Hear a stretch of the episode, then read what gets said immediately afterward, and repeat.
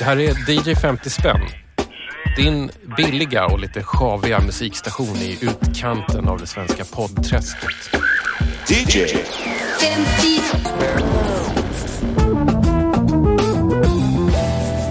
Jag som spelar loppisvinyler på min skivspelare och slänger ut 50-lappar. Jag heter Tommy Jönsson. Och den här podcasten görs i samarbete med Akademikernas A-kassa. Det vill säga A-kassan för dig som är så akademisk att du har över 180 högskolepoäng under bältet. Idag blir det valutakris i programmet. Det kallas temporärt, bara för idag, för DJ 800 kronor. Och det är fan inte mitt fel. Det är Billy Rimgards fel. Välkommen hit. Tack så mycket. Tack. Vad är det här med 800 kronor egentligen? Alltså jag fick ju för mig att jag skulle köpa mina skivor i Reykjavik. Ehm, och 800 kronor är liksom 50 spänn. Är det så? Ja, det, det är liksom, vi, vi jobbar, de jobbar en nolla extra och lite till. Mhm. Ehm, men, men grejen var så här att jag gick runt i hela Reykjavik och det finns, inga, det finns ingen skräpvinyl. De har liksom inte devalverat sin skräpvinyl. Men, menar du att det finns sunkiga skivor men de kostar mycket? De kostar skitmycket. Det är som i Norge. Ja, jag kan tänka mig här, det enda naturtillgångarna de har, det är ju så varmt vatten och fisk. Så att de har liksom inte råd att, att liksom sänka värdet ens på gammal vinyl. Ja, jag förstår. Den goda nyheten är att det ändå finns sunkig vinyl även där. Ja, precis. Det, det var bara att det var svårt att få den billigt. Ja, jag hamnade på en stor loppmarknad som heter Kola Portid nere Mm. i hamnen där. Det är lite som så här Skärholmens loppis här i, i Stockholm. Eller Mhm. som, som den var Mm. liksom. Och då fanns det en back där, där dealen var fyra stycken skivor för tusen kronor. Och det är ju typ 80 spänn. Ja. Men jag lyckades liksom, jag förklara vad syftet var och då fick jag fem skivor för, för tusen kronor. Så, så Du är lite över budget. Ja, lite men, grann. Ja, men det, vet du vad, vi kan ta det. Det blir ofta så här när någon av gästerna har dragit utomlands. Jag kan till exempel mi- minnas att eh, Elena Wolaj åkte till Istanbul och verkade inte ha läst briefen så noga och kom liksom med fantastiska psych-singlar för sådär en 300-400 spänn. Det var en härlig eh, musikupplevelse men, men eh, jag var ju tvungen att skälla lite på henne efteråt. Ja. Jag sa ju det att han är sträng med budgeten den här snubben. så att jag, ja. Däremot så kan jag ju inte ta det jag har kommit hem med. Alltså jag hade ju bara en back då att eh, gå igenom. Ja, det där gillar jag. Då blir Ja. det ju sport på riktigt. Verkligen. Och grejen är att i, i din bakåtkatalog så tycker jag att det finns en del som har haft misstänkt bra skivor med. Det är ju roligt att du säger det, för att det- är en av de vanligare frågorna som kommer upp. Så här, inte fan har de köpt för 50 kronor? Och, ärligt talat, jag frågar inte så jäkla noga. Jag är mer glad att någon kommer hit med skivorna. Ja. Men, men det är klart att det är någon som har fuskat någon gång. Nej, jag, jag kan inte ta något ansvar för musik i det här programmet. Nej. Men är det så att du också har nu ganska okända vax med dig? Ha, ha. Vi, vi får väl se vad som dyker upp här. Ja, fint. Vi ska alldeles strax börja spela igenom din hög. Vi kanske ska prata lite mer om dig. Eh, Det jag kan säga om dig Billy är att du är ena halvan av populärkulturpodcasten Obiter Dictum, eller Oddpod som den heter lite mer slängigt i folkmun. Det stämmer. Och ni är ju fan med seniora i det här svenska poddträsket som nu för tiden är ganska överbefolkat och skränigt. Eh, Ja, vi drog igång, ja det är snart sju år sedan nu. Ja, 2010 kom det första avsnittet ut. Ja. Det måste varit ensamt att vara poddare då. Ja, det var mycket ensamt. Jag vet att vid vårt första avsnitt förklarar vi, alltså så här, det första vi säger det är så här, ja, hej och välkommen till vår podcast. Och podcast Tobias, vad är det? Och bollar över ordet till min kollega Ja. som förklarar liksom vad en podcast är. Ja. Så, så att det var, det kändes, eh, vi lyssnade väldigt mycket på amerikanska podcasts på den tiden. Men ja, Hade ni några lyssnare? Vi var ju så här, ja men om 10 pers lyssnar, Ja. då är vi nöjda. Ja. Och det var ungefär 30 pers som lyssnade, så vi var ju skitglada. Liksom. Mm. Sen så med åren så växte det där ganska Ja. mycket. Men För den som inte vet vad Oddpod handlar om, kan du inte bara ge typ tre ledord för vad det brukar kretsa kring på ett ungefär? vår tagline är det höga i det låga och den tycker jag sammanfattar det. Mm. Vi försöker prata om ganska dålig kultur på det sätt som man kanske pratar om vanlig kultur. Mm. Göra analysen av postapokalyps zombie-rökaren. jag tänkte nästan säga någonting så att efter katastrofen, virus outbreaks, Blade Runner. Det är ju looparna vi har hamnat i. Efter sju år hamnar man ju i loopar Ja, som man inte tar det. sig ur. Liksom. Jag tycker i och för sig att de är trevliga. Alltså, jag gillar ju när ni kommer tillbaks till de här klassiska ämnena. Om du som lyssnar inte har lyssnat på Oddpod, det är ett tips. Det finns jättemånga avsnitt. Däremot så kommer de inte så ofta. Nej, care to elaborate? Alltså vi har ju kört, förr så körde vi ju varje vecka och Mm. liksom pratade om så här, vad har hänt? Så här, ja, nytt, eh, blir en ny säsong av den här tv-serien, bla bla bla bla. bla. Mm. Men det där började gå på sån otrolig tomgång. Alltså vi kände att vi var klara med det. Det var liksom inte kul längre. Vi slängde ihop våra manus en halvtimme innan vi började och sådär. Mm. Så då tänkte vi att nu jävlar växlar vi upp. Så nu, så försöker vi göra mycket färre avsnitt. Kanske kommer med sju, åtta per år. Mm. Eh, men försöker göra dem riktigt producerade med intervjuer och snygg Mm. klippning och alltså, ja, lite mer lyxigt liksom. Du sitter väl och gör ett litet score till avsnitten ibland? Ja, det är där vi har hamnat. Att varje avsnitt får sitt eget individuella Det soundtrack. är ju perfekt. Alltså, lyssna och lär. Podcast Sverige. Är Eller fly för här. eh, annars så är du musikjournalist i grunden får man väl säga. Ja, jag var det i alla fall. En gång i tiden. Eh, Under 00-talet så, så flackade jag runt i massa olika ställen som Mm. Sonic och hade lite egna sajter som The Cricket som jag drev Just det. med Sara Martinsson och Mm. Terry Eriksson. Och hamnade lite på Musikguiden i P3 där jag gjorde en dokumentärserie som heter Festen fortsätter. Tips nummer två. Jag Ja. tror att den går att lyssna på. går att Fantastiskt lyssna på. bra serie. Den tar egentligen vid kan man väl säga där eh, Livet är en fest slutar. Alltså Precis. in i 00-talet. Då är det, Exakt. om du frågar mig, börjar hända väldigt mycket grejer i svensk musik. Mm. Kanske framförallt också i musik på svenska. Jag säger inte mer än så. Nej, men Det får man är- spåra upp och lyssna på helt enkelt. Men nu åker vi tillbaka till Island här. Varför var du på Island förresten? På höstarna där i november så går det en festival som heter Iceland Airways. Ah, okej. Och det är en så här underbar liksom 35 plus festival. För det är ju liksom i stadskärnan. Allt som, det liksom, allt som kan användas till en scen används som en scen. Jag har sett gig inne i så bankkontor liksom och sådana grejer. Det härliga med det är ju liksom att man knatar omkring där på de här små fina gatorna i Reykjavik. Och orkar man inte gå på spelning då kan man sätta sig och dricka en craft beer Ja, ja. på inom pub och spela brädspel. Typ. Så att, så att det är en väldigt sånt här eh, skönt sätt att eh, ta sig an hösten precis Mm. i månadsskiftet oktober-november. Såg du något bra? Ja, man ser ju alltid bra grejer. Men det är ju aldrig, man, tittar man line-upen så är det ju ingenting som man liksom känner sig pepp på. Men sen så knatar man omkring där och sen så säger man, ska vi ta en kaffe? Ja, så går man in på kaféet så sitter det någon snubbe med laptop och cello och gör någonting Mm. och det är bra. Så. Det kanske inte är den sortens musik som jag sen så här, lyssnar jätteexalterat på hemma men Island är ett väldigt trevligt land, väldigt trevligt folk. Plus att svensk snus är hård valuta. Jag åkte taxi och så hoppade jag in och sa var, var, vart vi skulle. Och så skulle jag ta en snus och då så sa han I'll drive you anywhere as long as you give me one of these. Nu vet vi hur du finansierar nästa års resa. Japp. Jag drar i spaken här så kör vi dagens första kategori. Ja. Random Access Vinyl. Vad, vad är det du har hittat egentligen? Ingen aning alltså. Vi får köra låten.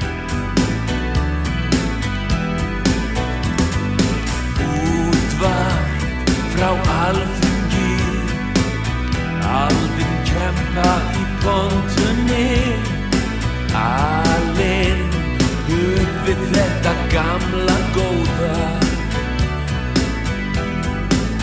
Já, það er allt sem áður var. Með allar mannmörgu sveitirnar Enginn furðar ömmu setjir hljóða. Biljónir þarna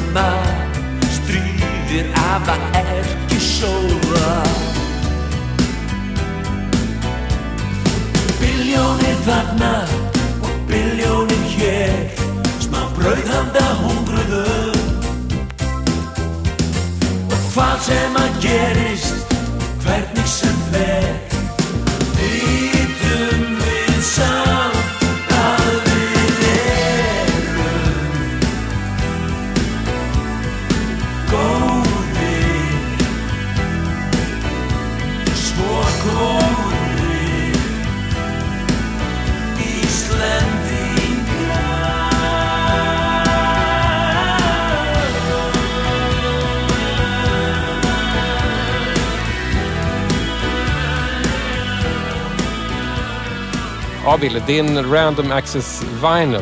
Eh, varsågod och presentera. Det här är Valgeir Gudjonsson med eh, albumet och låten. Det är titelspåret vi chansade på. Vi har inte hört den här innan. Gothir Islänningar. Ja. Som betyder kära islänningar. Jag har Ja. frågat vad det var. Mhm, Okej, är det som ett tal till nationen? Här? Ja, jag tror det. Ja. Jag har ingen aning. Nej. Utgiven på Steinar Records 1988. Eh, ja, hörru du. Jag tänkte först eh, så här, är det Eldkvarn möter Imperiet möter Random Dansband i, i en midi-workshop 1988. Men sen började de sjunga på isländska som i mina öron låter kanske som estniska på något konstigt sätt. Jag tycker refrängen var ganska mäktig alltså. Du behöver inte skämmas för den här skivan. Nej, jag tänkte att det här kan vara precis vad som helst. Jag mejlade faktiskt en eh, isländsk musikjournalist som heter Arnar Egged Torodsen. Bara fråga och då så sa han att den här Valger Gudjonsson, det här är första soloskivan från honom. Han hade tidigare varit med i något så här prankstergäng på 70-talet som heter Stuvmen. Och då vet man ju inte, alltså om de pranksters, ja. Det här var tydligen hans enda soloalbum som blev en framgång för sen släppte han ett till som tankade. Och Och nu vet vi inte riktigt vad Valgeir gör längre. Man kan få ledtrådar till vad han gör om man kollar YouTube där det finns diverse glest befolkade barer och lite mer så här eh, pubrock, alltså Ah, okej. trubadurgrejen. Mm. Så att han har ju säkert, eh, han är säkert älskad av det isländska folket fortfarande. Ja, jag fattar. Men jag tycker Valgeir Gudjonsson är in, intressant att lyssna på därför att det, om man ska göra någon slags här segmenteringsanalys av isländsk musik så tänker jag att, att ja, det finns ett fack med så här drömska älvor som gör konceptuell elektronika med marint tema. Alltså det facket finns. Men det är också väldigt mycket som är så här i någon slags mellanting mellan svenska björnstammen och Markoolio som är så här jättepopulärt. Ganska så här Alltså lite pajas. Liksom. Alltså islänningarna, man tänker att de är så sjukt sofistikerade och så här supersvåra. Men de går också igång på jag gick förbi någon så här stor fraktcontainer som var öppen, med öppen sida där någon som hette Himulen som var en jättestor kar i skägg och 130 pannor studsade omkring eh, och hade så här förinspelad syntpop på en laptop och sjöng så här nidvisor om presidenten och runt om stod folk och jublade. Och när de bad om extra nummer så körde han Das Model. Så Himulen verkar vara populär. Och det bevisar ju bara att om det finns älvor på Island som gör musik så finns det också tomtar som gör musik. Man kan inte ha det ena utan det andra. När du fiskade upp den här, instruktionen är ju liksom att stå vid en billig back och dra upp en med, med slutna ögon. Vad var liksom skräckplattorna som du hade kanske sett i backen tidigare? Det fanns en del ganska tråkiga saker. Det är inte jättekul att komma hit med Bruce Springsteen Lucky Town och bara hej, här är min... Alltså jag hade ju hoppats på något, något konstigt isländskt förstås. Ja, jag, förstår, jag fattar det. Det här var ett helt okej val tycker jag, eh, av, av slumpen. Eh, Dagens lilla... Nu skulle jag säga något kvickt isländskt. Glöm det. Jag vet så lite om Island. Jag är världens sämsta nordbo. det hade kunnat varit en fermenterad haj, men det var en hummer åtminstone. Ska vi rulla vidare till eh, nästa kategori? Det låter bra. Nostalgiköpet.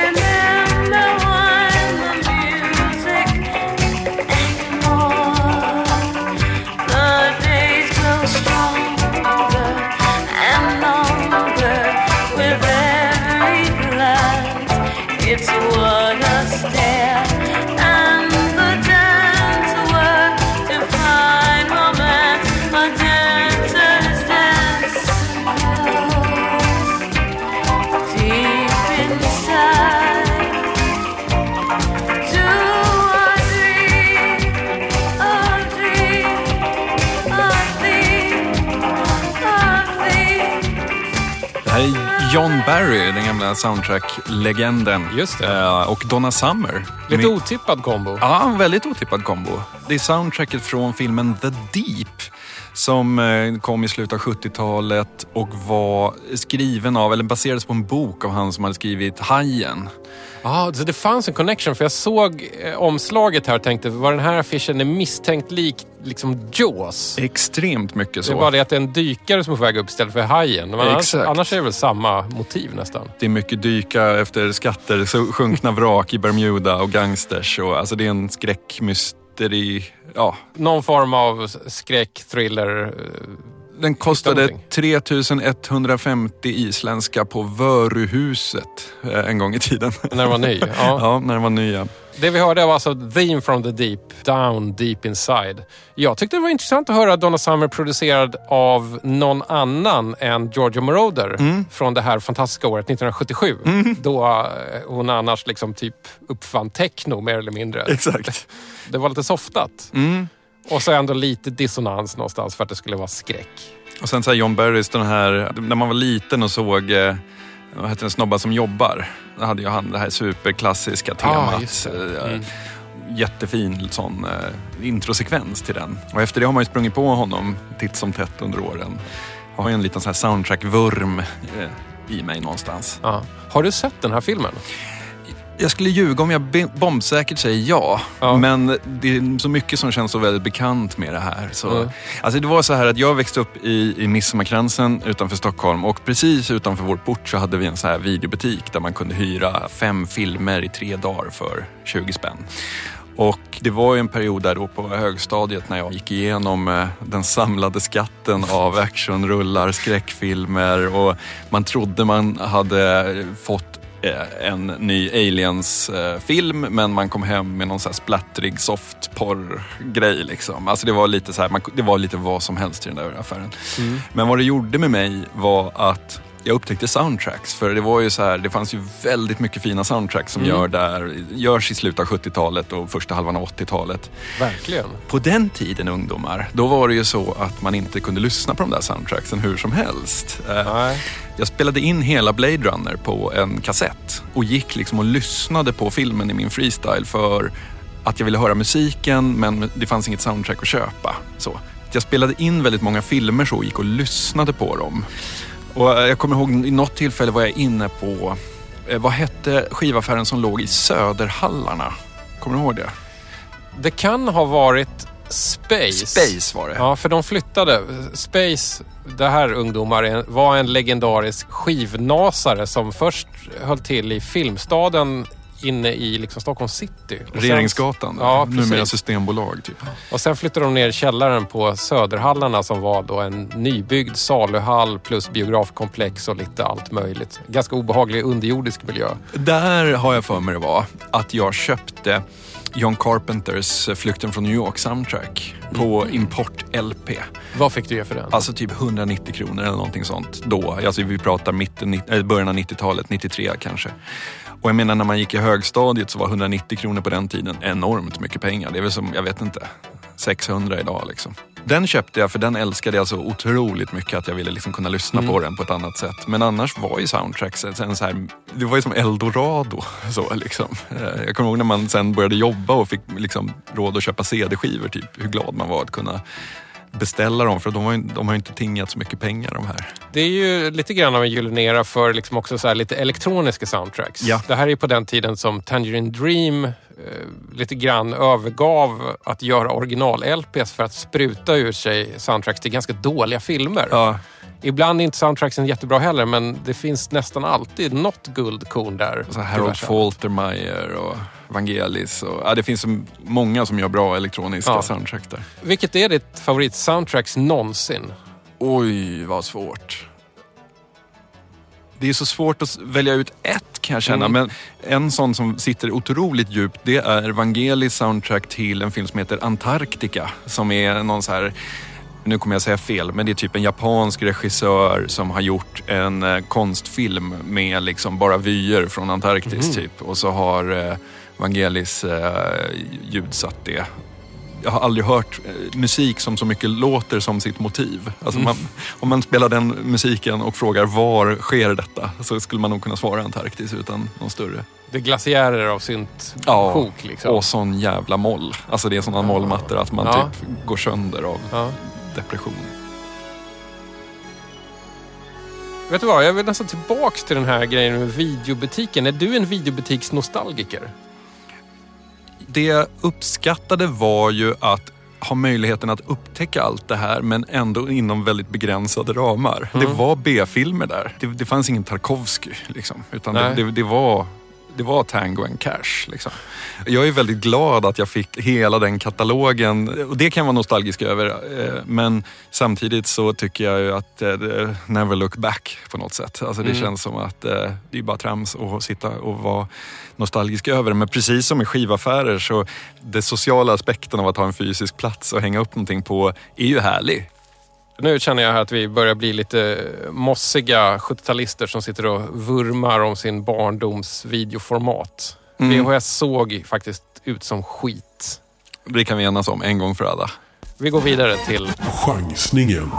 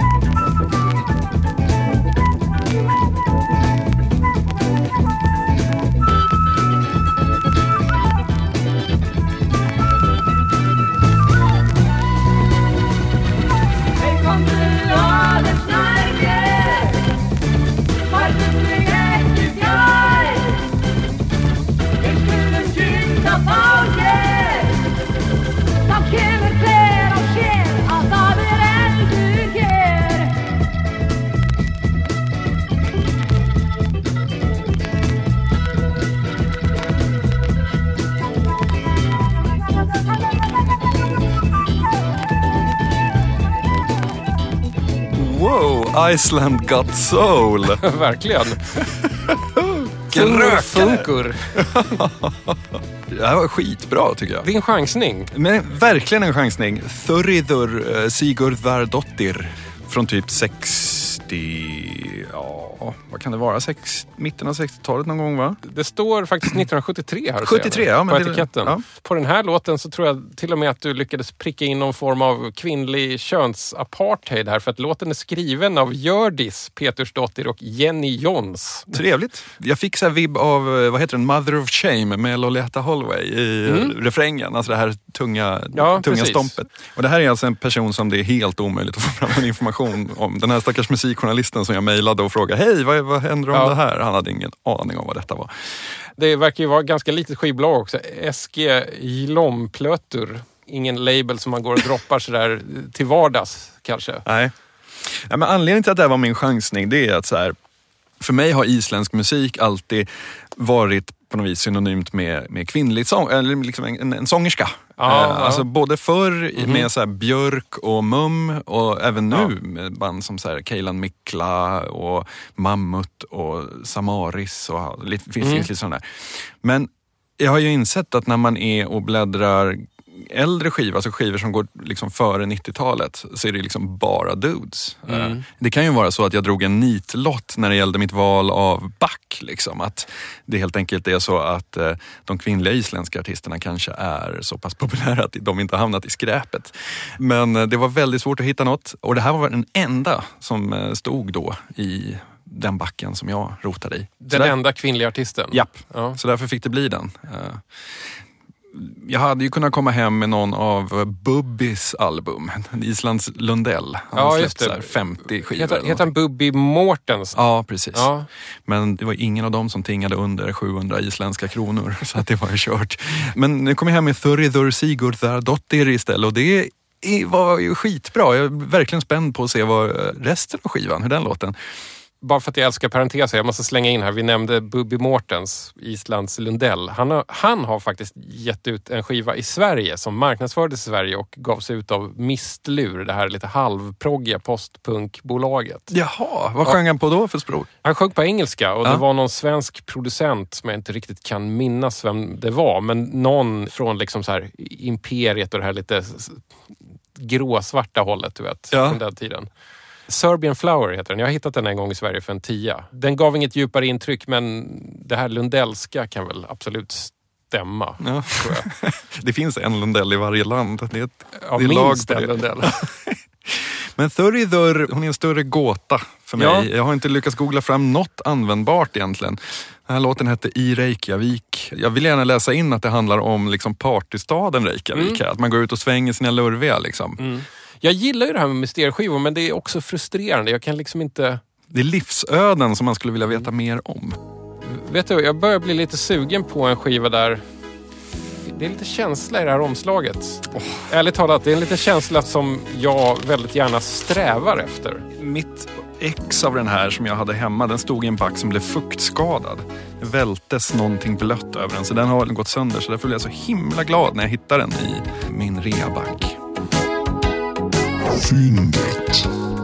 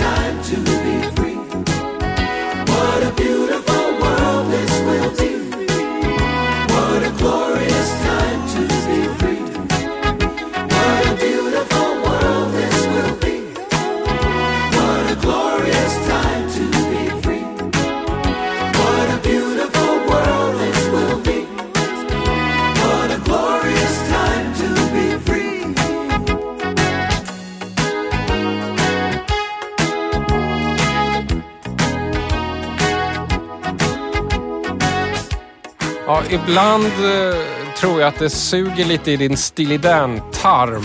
Det tajtaste gunget i DJ 50 spänn någonsin kanske. Det kan vara så.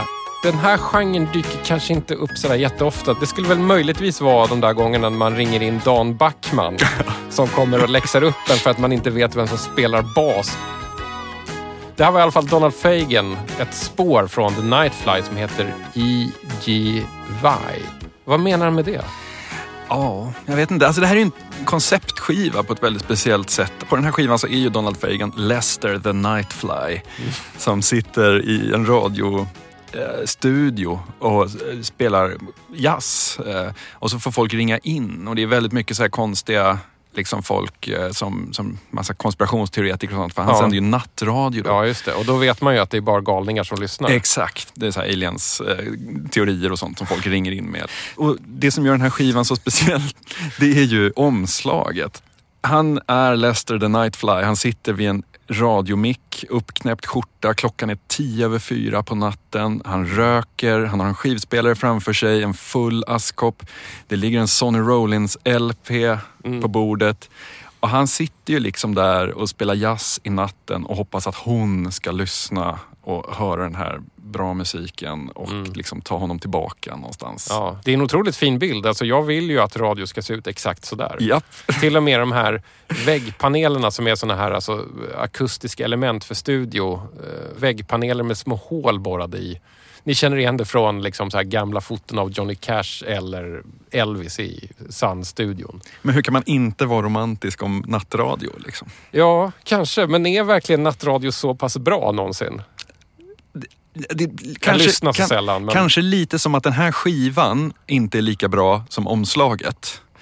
Så är True. nattradio inte lika bra som idén om nattradio. Nej, men eh, skulle man eh, köra ring-in-program på natten så skulle det ju vara mycket det skulle vara intressant. Mycket intressant. Jag kan ju faktiskt, bara som en parentes, säga att jag uppskattar program som till exempel eh, Karlavagnen som kanske är lite för tidigt för att vara äkta nattradio. Men du kan ju få lite freak-faktor ibland på, på den när folk ringer in. Mm. Ibland blir det ju fantastiskt. Ja, För att det verkar som att folk inte har så mycket filter när de ringer in. Jag kan sent. tänka mig att det är lite likadant för The Nightfly. Att ibland är det hemskt, ibland är det fantastiskt. Jag gillar ju det här spåret vi lyssnar på nu väldigt mycket. Mm. Vad är det du gillar med det? Att det är så tajt. Alltså det, det är liksom... det, är inte, det är inte en millisekund fel någonstans liksom. Eh, Det svänger så Ja, ja. oerhört. Så här återhållsamt sväng liksom. Ja. Jag har ju samtidigt lite problem med det här. Jag har ju någon gång under påverkan av alkoholhaltiga drycker försökt saluföra tesen att Steely Dan och då även då by association Donald Fagen. Det är ehm, musik som konsumeras av onda människor. Oj! Jag minns ja. inte hur jag underbyggde teorin, men jag vet att jag har sagt det någon gång. Ja, men det finns väl något Patrick Batemanskt i idén Det, om det den kan här... ju vara den klina ytan. Ja. Man tänker ju att en clean yta ofta har en psykopat under sig. Precis. Precis. Var man nu har fått den idén från, det vet jag inte. Men Alltså jag hade ju en period i eh, slutet av 90-talet, början av 00-talet där jag försökte uppvärdera den här musiken. Michael McDonald Mhm. och eh, Steely Dan, Donald Fagen, alltså den där, det här slicka. Jag hade någon slags idé om att det skulle liksom omvärderas och så. Problemet var ju att jag var ju bara, alltså jag var ju så här tio år före Fibes och Fibes och Ah, så här, okej, ja. alltså, man, man var ju ett fån liksom när man försökte med det där. var det ensamt? Det var väldigt ensamt. Och sen så gick åren och sen så eh, liksom startade så här yacht rock klubb på Spybars uteservering. Eh, Och man bara, hallå! När ni lyssnar på Mastering Street så lyssnar jag på det här. Eh, Det är jobbigt att vara före kurvan. Ja, oerhört, oerhört. Nej, men det finns en väldigt kul story om eh, det var, jag skrev en, en krönika om det här omslaget just därför att det är så, alltså det, jag blir, det så här kittlar min fantasi och jag blir så här Återigen, skivan är inte så otroligt bra men i det här omslaget så händer så oerhört mycket som är väldigt bra. Eh, jag skrev en krönika om det där för Sonic och så helt plötsligt fick jag ett mail från eh, Lennart Persson, den legendariska musikjournalisten. Just Eh, det. som jag inte kände eller hade pratat med eller träffat. Och han bara så här, ja, det var en väldigt fin text du har skrivit. Jag försökte lyssna på skivan igen på grund av texten, men tyvärr den sög. Men det var en bra text. Typ så här. Och för, så jag hade fel i sak, men jag, jag hade gjort någonting rätt. Så. Men det var så oerhört fint att han eh, helt uncalled for eh, skickade det till mig och för en ung musikjournalist som bevisligen var ute på hal is här med, med de här slicka studiomusikernas musik. Så eh, jag blev, jag blev oerhört glad såklart av det. Mm. En fin klapp på axeln. Mycket. Och samtidigt en viskning i örat att det här är ändå skitmusik. Vet din plats. Men jag gillar ju någonstans idén om så här, att vara jävligt bra på det man gör. Alltså, alla de här musikerna som spelade i de här banden är ju oerhört tajta och skickliga. Och jag tycker ju att eh, just när det gäller så här Donald Fagen och mm, Steely Dan i vissa spår liksom, eh, så tycker jag att det inte liksom påverkar Ofta brukar det sättas någon slags eh, skala mellan så här hjärta och energi Ja. på ena sidan och liksom profession och så här själlöshet på andra sidan. Liksom. Där punken är någon slags ideal. Att så här, det är bara, man bara, äh, liksom, det bara kommer ur en. Ja, ja. Liksom. Mm. Men jag tycker ju att det finns väldigt mycket musik där det är superslickt och också väldigt liksom, ja, mycket av Phil Collins tidiga produktion tycker jag är så här skitsnygg och det finns någonting i den ljudvärlden som är väldigt härlig för att det är några som, de, det är ändå folk som har suttit och rattat på sina rattar i väldigt många dagar innan de är nöjda. Det känns som sån här musik är svår att göra idag när allting ska gå lite snabbare. Ja, verkligen. Så Donald Fagen kanske inte riktigt får göra den här typen av grejer om han skulle dyka upp idag och knacka på en inspelningsstudio. Han släppte ju någonting bara här om året men det, jag, har, jag har liksom gått vidare lite från det där. Jag behåller The Nightfly tätt intill mitt hjärta men eh, inte så sugen på att, att gå ner med det igen. Jag tror att jag ska ge den här skivan en chans till nu. Så får vi se om jag är som Lennart eller om jag kommer stå och predika nu på en äppellåda snart att Donald Fagen, The Nightfly, is the shit. Jag skulle se fram emot det sistnämnda. And now, a word from our sponsor. Ja, nu bryter jag av lite i junkvinylmyset en stund. Jag tänkte faktiskt prata lite om din gamla arbetsgivare Billy. Ja, Så här är det. Akademikernas a-kassa sponsrar den här podden. Det är alltså de som gör det möjligt att den här podden låter så lyxigt, att den är så snyggt klippt och att den kommer ut så ofta. Nu kanske det är så att du som lyssnar redan har allting på det torra. Du kanske redan har safeat upp din inkomst med medlemskap i en a-kassa. Men om du inte är med i en a-kassa så kan jag berätta att Akademikernas a-kassa är värd att kolla in. Den finns till för dig som har skrapat ihop 180 eller fler högskolepoäng. Alternativt 120 poäng om du avslutade studierna innan 2007. Du kan också gå med faktiskt redan när du studerar om du har för avsikt att ta de här 180 poängen. Det här medlemskapet kostar 100 kronor i månaden, alltså som två avsnitt av DJ 50 spänn. Och Akademikernas a-kassa är alltså en medlemsorganisation. Den är inte vinstdrivande utan den finns bara till för sina medlemmar. Om det här låter det minsta vettigt så kan du surfa iväg till aea.se. Det är Akademikernas a-kassas sajt. Där står allt om hur du blir medlem och hur a-kassan funkar och du får hjälp om du undrar någonting aea.se var adressen. Nu går vi vidare till lite mer billig, begagnad musik. Du Billy, vi har faktiskt bara en enda skiva kvar. Mm. Och det har blivit dags för Skivbörsklassikern. även känt som Backvärmaren. En skiva som man alltså väldigt, väldigt, väldigt ofta ser i de billigaste och sunkigaste och dammigaste backarna. Behöver vi köra någon trigger warning eller någonting innan? nej. Spänn fast säkerhetsbälte. Jag tror det är rätt fett. Alltså.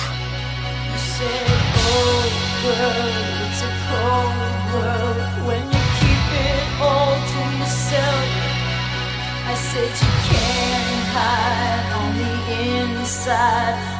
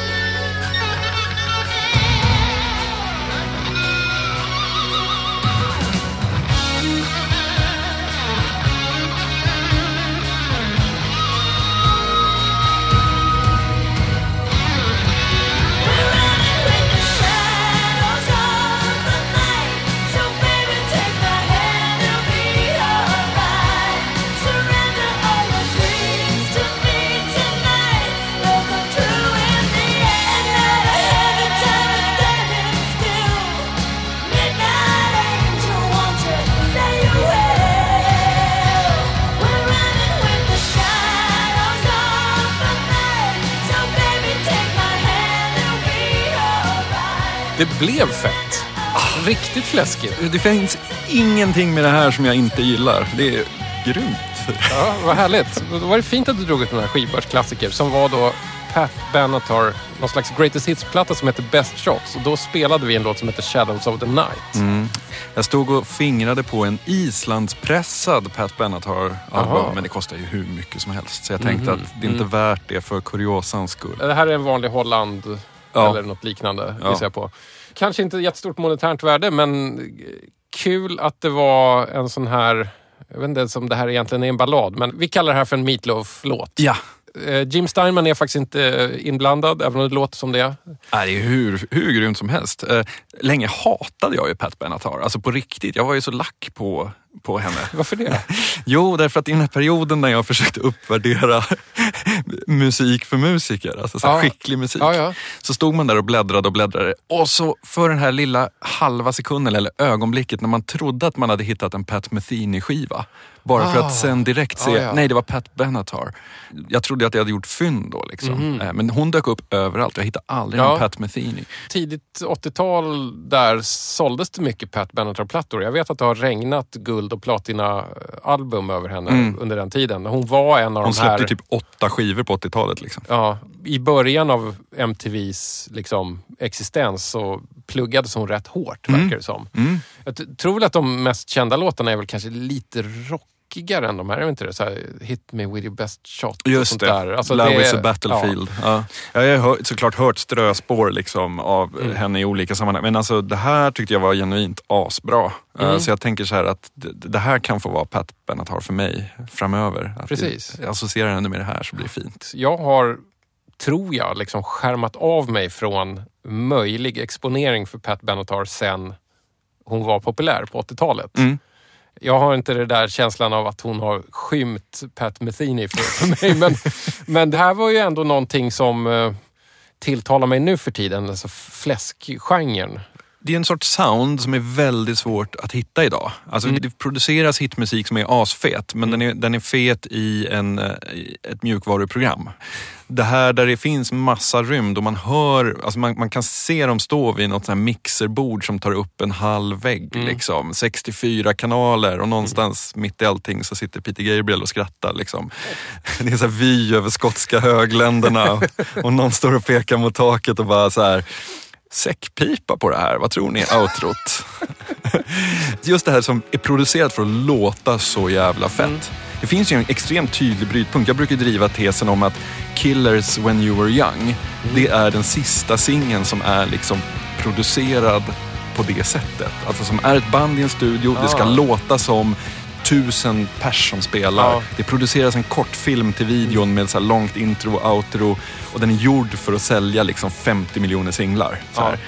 Det är typ den sista sådana som görs. Ja. Eh, Men det är ändå ganska sent. Jag ja, menar, vi, är, 2006. vi är ändå inne på Ja, 00-talet precis. här. Vi är ändå inne i liksom så här mjukvara i en Mac Powerbook i någons sovrum. Definitivt, men den osade ändå liksom Born to Run. Alltså Ja. det var... Det är den sista klassiska rocksingeln på något vis. Jag förstår. Och jag kan ju bli så här, även om jag alltid har varit liksom, eh, tyckt att rocken måste dö, så är det så här, nu när den har dött så, så, och, och, och liksom ersatts av EDM-rökare, Ja. eh, så kan jag ju känna att just när man hör det här, det här organiskt gigantiska Ja. soundet, eh, att det var rätt härligt ändå. Liksom. Kan vi kalla den här genren för rockkatedral? Ja, För definitivt. jag tänker liksom på alltså, katedraltak när Ja. jag hör det här ljudet, det här soundet. Ja. Det är så här någonting som också, precis som en katedral, strävar uppåt Ja. väldigt mycket. Och någonstans i mitten så står det liksom den här supertajta basisten i så här ljusblå kostymbyxor som sitter väldigt högt upp på magen och bara lägger sina licks liksom. Ja, jag gillar det. Jag gissar att den där basisten också, när han inte får den där feelingen, begär att någon ska ställa en fläkt framför honom så att hans trenchcoat med uppkavlade ärmar kan fladdra lite medan han lägger det där oerhört tajt spelade. Det finns ju en jättehärlig liveversion av Sultans of Swing. Ehm, eh, vem, Ja, om, man, om, man, om man på Youtube söker på Sultans of Swing Wembley 85, då får man ju liksom allt det här. Den är så här 12 minuter lång. Det är den här katedralen. Det är, ja, det är fantastiskt. Billy, vet du vad jag undrar? För jag vet att du till exempel har också även gjort musik själv, alltså producerat musik. Bland annat eh, under aliaset Mr Suitcase, ett slags här sovrums electroish projekt. Lite andra grejer också. Varför drogs du in i liksom musik? Jag har ju en sån här eh, väldigt konstig backstory där jag sitter hemma och lyssnar på lokalradion, eller närradion 88,9. Där det på söndagar mellan 19 och 21 var Radio Liberal. Som Ah, var liksom ja. så här, någon så här SAF-finansierad eh, luffproduktion. Bara det att det handlar ju inte någonting om eh, politik men väldigt mycket om Vinyl Mania och eh, liksom Robin Rass. Det var första Batman-filmen hade premiär där så det var mycket så här remixar på Batman-soundtracket och det var två snubbar som satt och spann liksom riktigt bra grejer. Ungefär samtidigt så hände ju liksom hela den här acid house-grejen. Man gick på ungdomsgården och det var så här man lyssnade på Tone Look och Ja. liksom Stacker Humanoid. Det var mycket jävligt spännande grejer som hände och jag var, gick i åttan, sjuan, åttan och hade ju såklart ingen koll men älskade det jag hörde. Så. Eh, Och någonstans så talar det väl till en på en eh, i låtarna så hittade man liksom någon version av sig själv som man kunde leva med på ett bättre sätt än den man är i verkligheten. Typ. Vilket fortfarande är giltigt på många sätt. Liksom. Och den resan har väl alla gjort i olika, olika former. Typ. Ja, någon gång i liksom barndomen eller ungdomen så verkar det som att alla får någon slags uppenbarelse av musik. Mm. Kanske liksom ögonblicket när man hittar sin musik. Verkligen. Och sen alla runt omkring som inte fattar någonting. Ja. Och liksom, för mig var det så tydligt just den där tiden där. Alla andra var ju nere med Guns N' Roses eller så TLC typ. Och att då sitta där och inte vara en av dem utan definiera sig genom liksom Max Mix 12 Ja, Det var rätt härligt. de är ganska bra ändå. Ja, åttan är bra. Mm. Är Man kan ju riktigt bra. ibland ha tur och springa på dem på loppisar. Ja.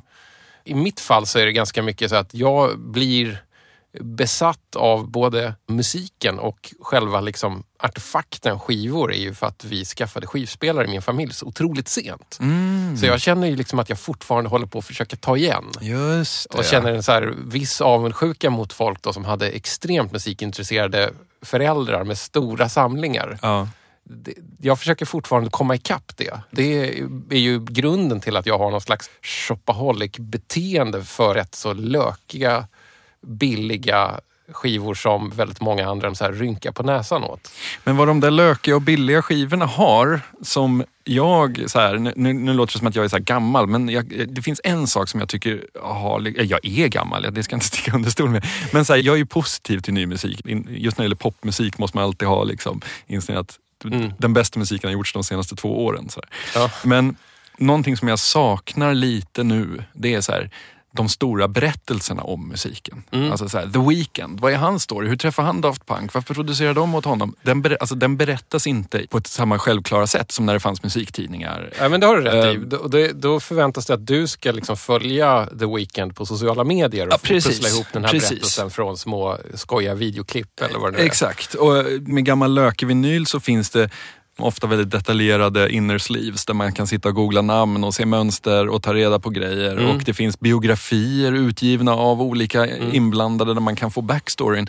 Ehm, och just den där anekdotiska berättelsen är skitviktig för mig i mitt musiklyssnande. Uh, och där kan jag verkligen tycka att så här, till och med vad ska man kalla det för, artister med lite djup eller vad ska man säga, alltså så Bon Iver. Jag vet typ ingenting om honom för han Nej. är bara så här, jag gör inga intervjuer, jag sitter här och samplar saxofoner och jag tycker jättemycket om det. Men Ja. jag, det är ändå en dimension som går förlorad därför att jag inte vet typ storyn. Så. Metadata saknas Ja, om man ska använda lite datatermer på det här. Verkligen.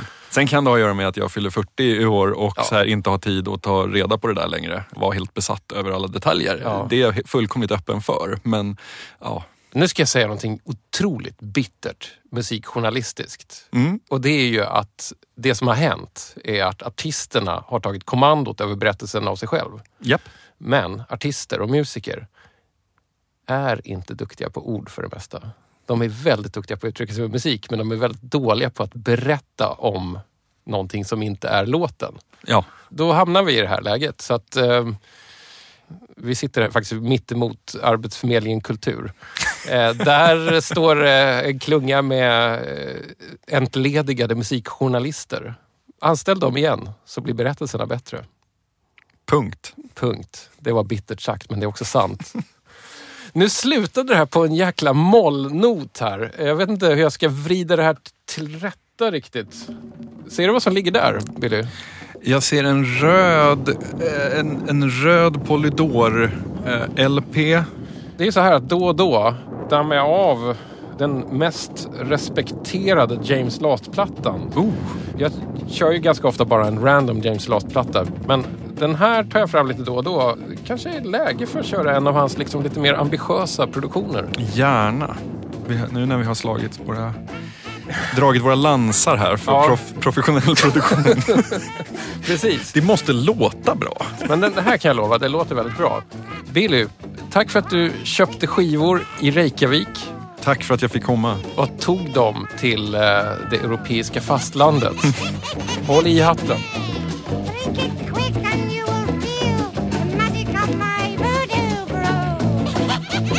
Ja, det, det här är alltså Voodoo Party-plattan. Där det är väl det närmaste vi kommer svart magi. Var det under någon slags Haiti-hang-up?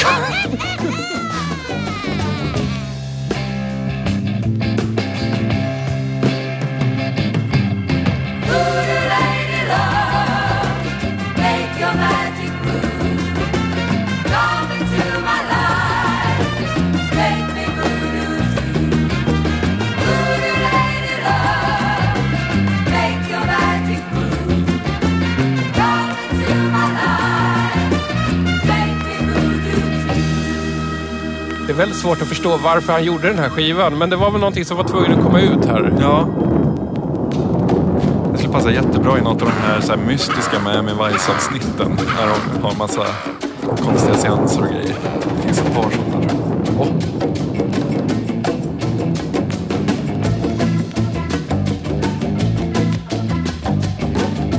I drank her brew. Then suddenly, her voodoo love possessed me. Lightning struck and thunder roared. She took my hand and led me to her magic broom, and then we flew away. Away to the land of mystic fantasy.